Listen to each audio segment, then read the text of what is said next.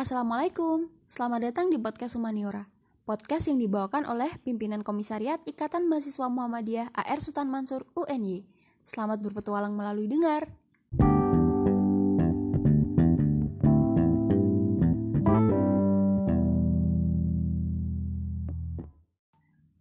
Jadi karena uh, soal PLB ini banyak banget bahasanya jadi kami putuskan untuk bikin dua part part satunya lebih bahas soal pendidikan luar biasanya cara ngajarnya ya, dan lain sebagainya gitu. Part 2 nya di sini yaitu lebih bahas soal inklusivitas pendidikan. So enjoy ya. Yang belum nonton lagi yang belum dengerin part 1 dengerin part 1 dulu habis itu baru ke sini oke? okay?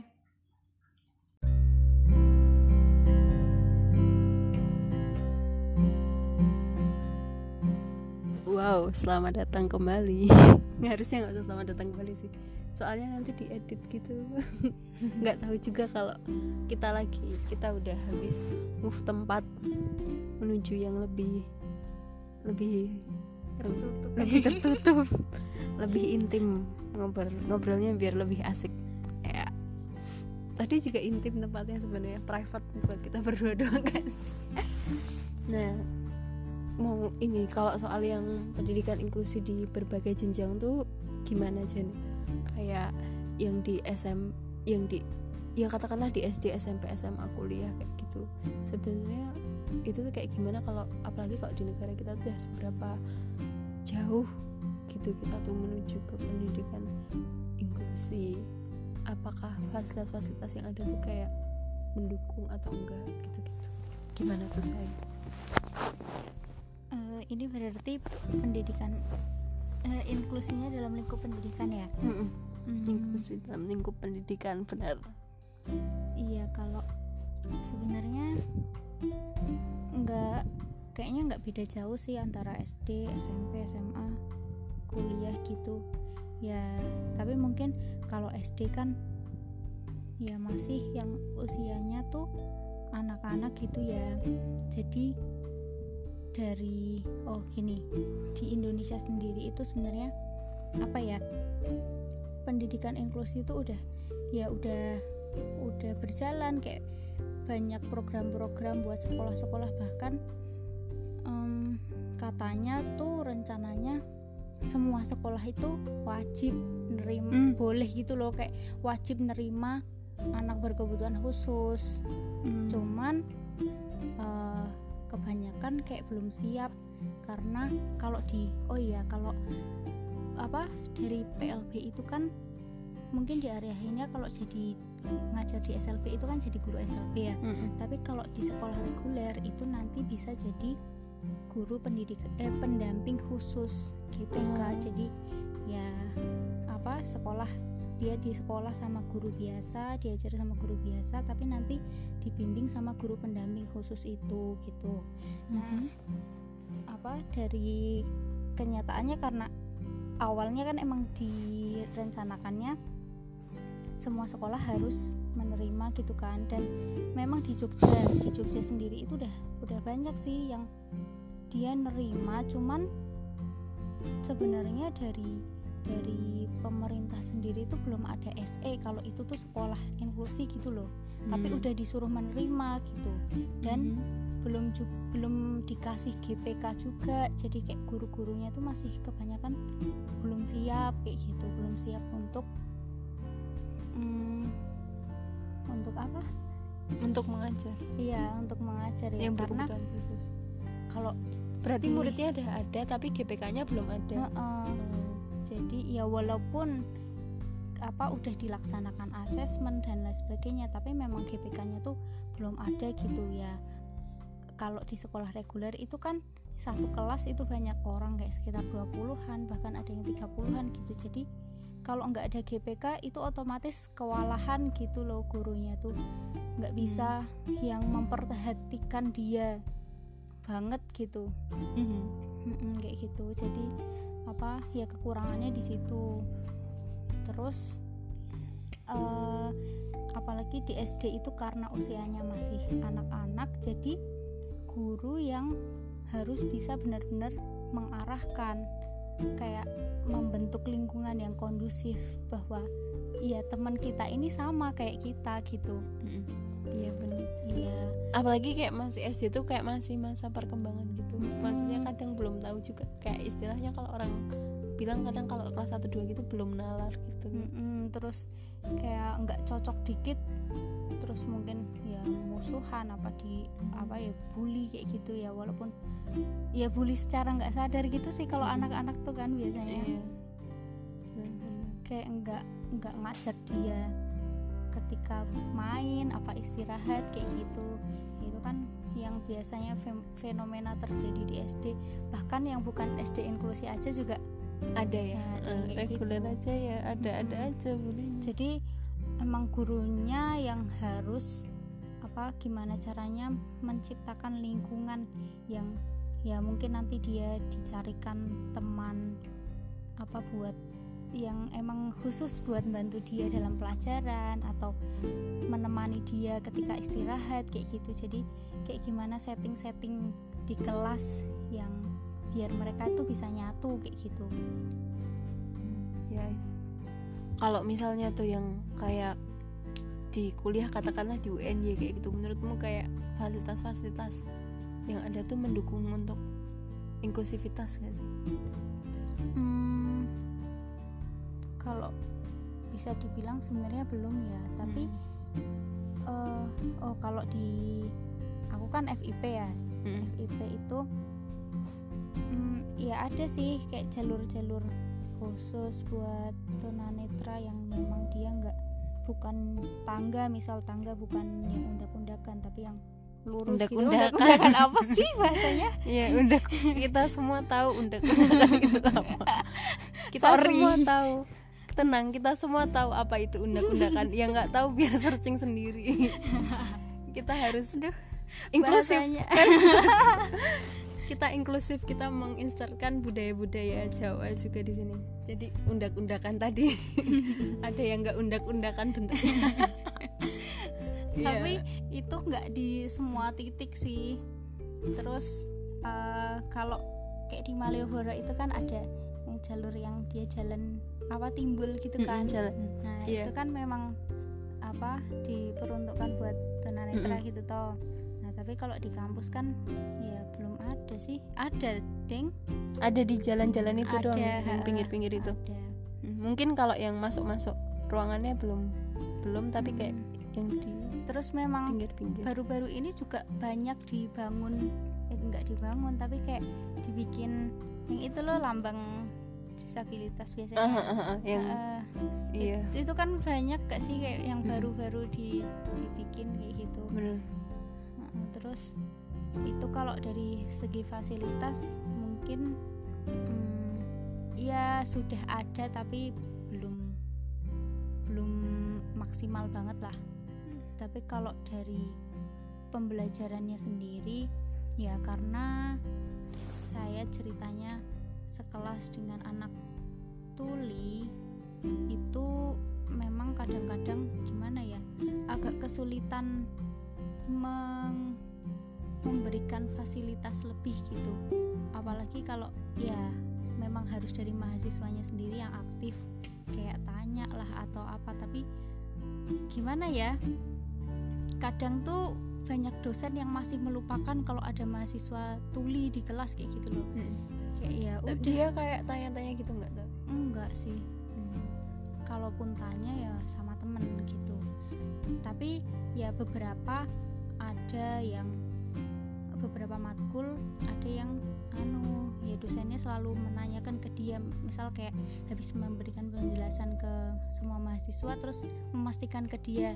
Jadi tadi ya, ibu baru menjelaskan seperti ini ini, kayak gitu yang memang benar-benar dijelaskan isyarat. ke dia eh, di isyarat sama oral yang sejelas-jelasnya gitu loh biar Hmm. dia bisa membaca gerak bibirnya itu.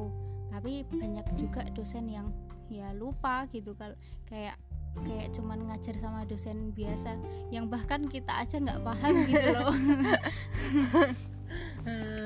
Gitu. Tapi di tapi Sekarang- dia bisa bicara nggak ya kalau yang temen bisa sih Hmm. bisa. Dia bisa mengeluarkan suara gitu. Uh, emang kadang harus dipaksa sih buat dia mengeluarkan suara itu harus dipaksa. Kalau enggak ya enggak mau gitu kadang tuh. Nah tapi di pembelajaran online sekarang ini baru ya berjalan beberapa minggu ini sih.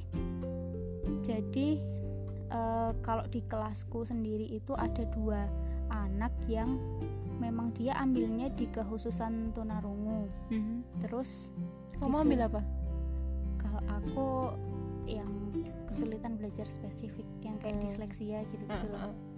nah itu yang emang dia tuh ngambil kekhususannya tunarungu terus diminta jadi JBI juru bahasa isyarat nanti gantian gitu loh mereka tiap apa yang dibilang sama dosennya atau presentasi temennya nanti dia membahasa isyaratkan terus temanku yang tuli itu bisa menyimak kayak gitu.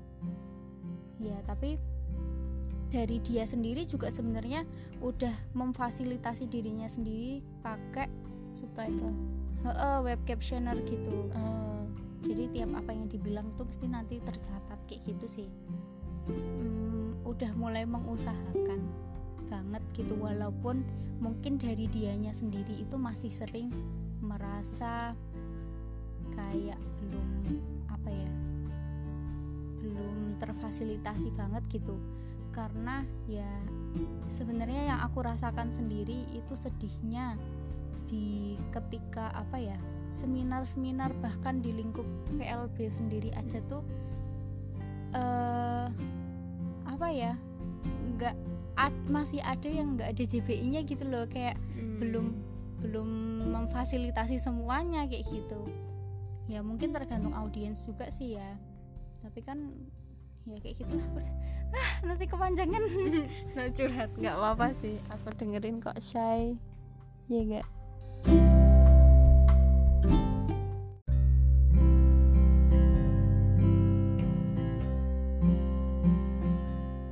Nah, finally, last but not least adalah for one million dollar questions. Ya, Em, kalau yang perkembangan terkait sama sekolah inklusi kayak gitu di Indonesia ataupun mungkin kayak di luar negeri or in general lah kayak gitu tuh menurut kamu gimana? Terus sama mungkin apakah kita tuh kayak ada contoh-contoh tertentu kayak terkait pendidikan inklusi role modelnya pendidikan inklusi gitu-gitu is there any what do you think Hmm, ya sejujurnya kalau dari aku sendiri sih belum tahu sih apa apakah kita ada kiblat atau enggak dari luar gitu. Cuman ya kalau setauku mungkin nanti eh, teman-teman pendengar yang tahu bisa lah ya kasih-kasih apa? Comment eh, like. komen terus memberikan informasi yang lebih gitu. Karena menurutku ya apa mungkin sama hampir sama kayak pendidikan reguler kayak gitu ya nggak nggak yang inklusi. Tapi kita banyak mengambil apa ya apa sih strategi-strategi pendidikan dari luar negeri misal kayak Finlandia atau ya Australia atau negara-negara maju lain gitu loh yang dirasa itu mungkin cukup baik dan bisa diterapkan di Indonesia. Mungkin eh, bisalah itu diambil buat ya buat kita terapkan di Indonesia kayak gitu. Hmm. Hmm, soalnya ya eh, aku lihatnya lebih banyak kan dari film-film gitu sih. Kayak film-film tentang eh, yang mengambil tema anak berkebutuhan khusus lah. Kayak kalau di Indonesia eh Indonesia di India itu yang terkenal film Tari Zaman Par Oh, iya, Ya, iya. pernah kan Iya nonton? pernah. Siapa namanya? Isyana Ishan Wasti Ishan. Isyana Ya, Wasti Ishan di situ kan dia juga berkebutuhan khusus disleksia Hmm. itu di India yang apa eh, dari orang tuanya sendiri yang belum bisa menerima awalnya kalau dia ternyata berkebutuhan khusus. Terus dari sekolahnya yang kayak menganggap dia tuh anak bodoh kayak gitu. Terus Hmm. akhirnya sampai dia bisa menemukan guru yang eh, bisa apa sih? Bisa memahami dia? Mm-mm, yang bisa memahami dia terus bisa memberikan solusi buat dia. Terus di film mana sih itu yang Wonder itu? Mm-mm. Wonder. Amerika. Oh ya Amerika. Itu juga di situ malah awalnya dia sekolah homeschooling jadi memang masih banyak orang tua orang tua yang uh, karena penerimaan yang kurang terus akhirnya nggak pengen kalau anaknya kelihatan sama orang gitu istilahnya disembunyikan gitu dari rumah terus apa ya homeschooling ya nggak ada yang salah sih dengan homeschooling cuman kalau sampai akhirnya menghambat perkembangan anaknya kayak gitu kan yang akhirnya ya jadi sesuatu yang harusnya anaknya tuh bisa berkembang lebih kayak gitu hmm. terus ya dari film-film terus video-video yang kalau aku rasa di beberapa dunia ya hampir di semua dun apa negara itu dia punya punya masalah yang sama kayak nggak memungkiri walaupun di negara maju juga tetap terjadi diskriminasi terus di sekolah di sekolah juga terjadi pembulian kayak gitu. Jadi apa namanya tapi hmm, mereka punya strategi strategi tertentu gimana sih ya yeah. paham nggak sih paham paham kayak ya tetap ada masalah-masalah tertentu yang sama kayak di Indonesia tapi mungkin secara pendidikannya itu uh, dari teknologinya atau dari strategi yang diajarkan oleh guru itu uh, lebih baik lah daripada Indonesia dan itu nanti bisa bisa kita ambil, ambil. pelajaran. Hmm, I see, I see. Kayaknya kita ngobrolnya soal itu itu dulu ya. Kayak kita ngobrol soal the surface of the of the pendidikan luar biasa ataupun pendidikan inklusi ini ya nggak sih mm-hmm. ya kan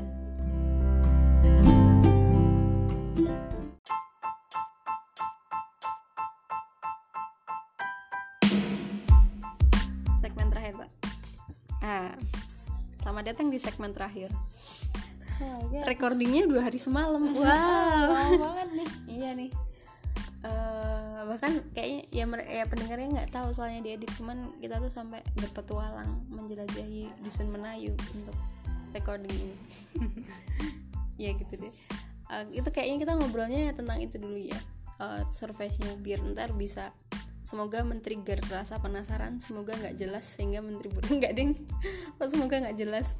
Ya semoga nggak jelas karena untuk terus akhirnya men-trigger rasa penasaran teman-teman. Ya kan? Ya, kayak cuman baru segitu aja yang bisa di yeah, uh, yang nanti kalau apa ya bisa didalami lebih lebih lanjut. Mungkin antar ada pendengar yang masih SMA gitu terus akhirnya masuk PLB UN ya yeah who knows? Nanti bisa ikutlah apa webinar webinar atau apa kalau pengen tahu lebih lanjut gitu. Iya, iya. ini iya. trigger yeah. aja. Memang trigger sudah biasa. lebih ahli dalam bidangnya. Iya benar sekali. Di sini kita ngobrol-ngobrol biasa aja biar men-trigger bahwasanya apa ya ya pengen nyebarin awareness juga sih sebenarnya kayak kan nggak banyak yang tahu tuh soal pendidikan inklusi bahkan apa cerita dikit aku tuh dulu pas maba itu kan suruh bikin kayak esai tentang kependidikan temanya pendidikan ya itu doang. Uh, ketika itu aku bawalah pendidikan inklusi.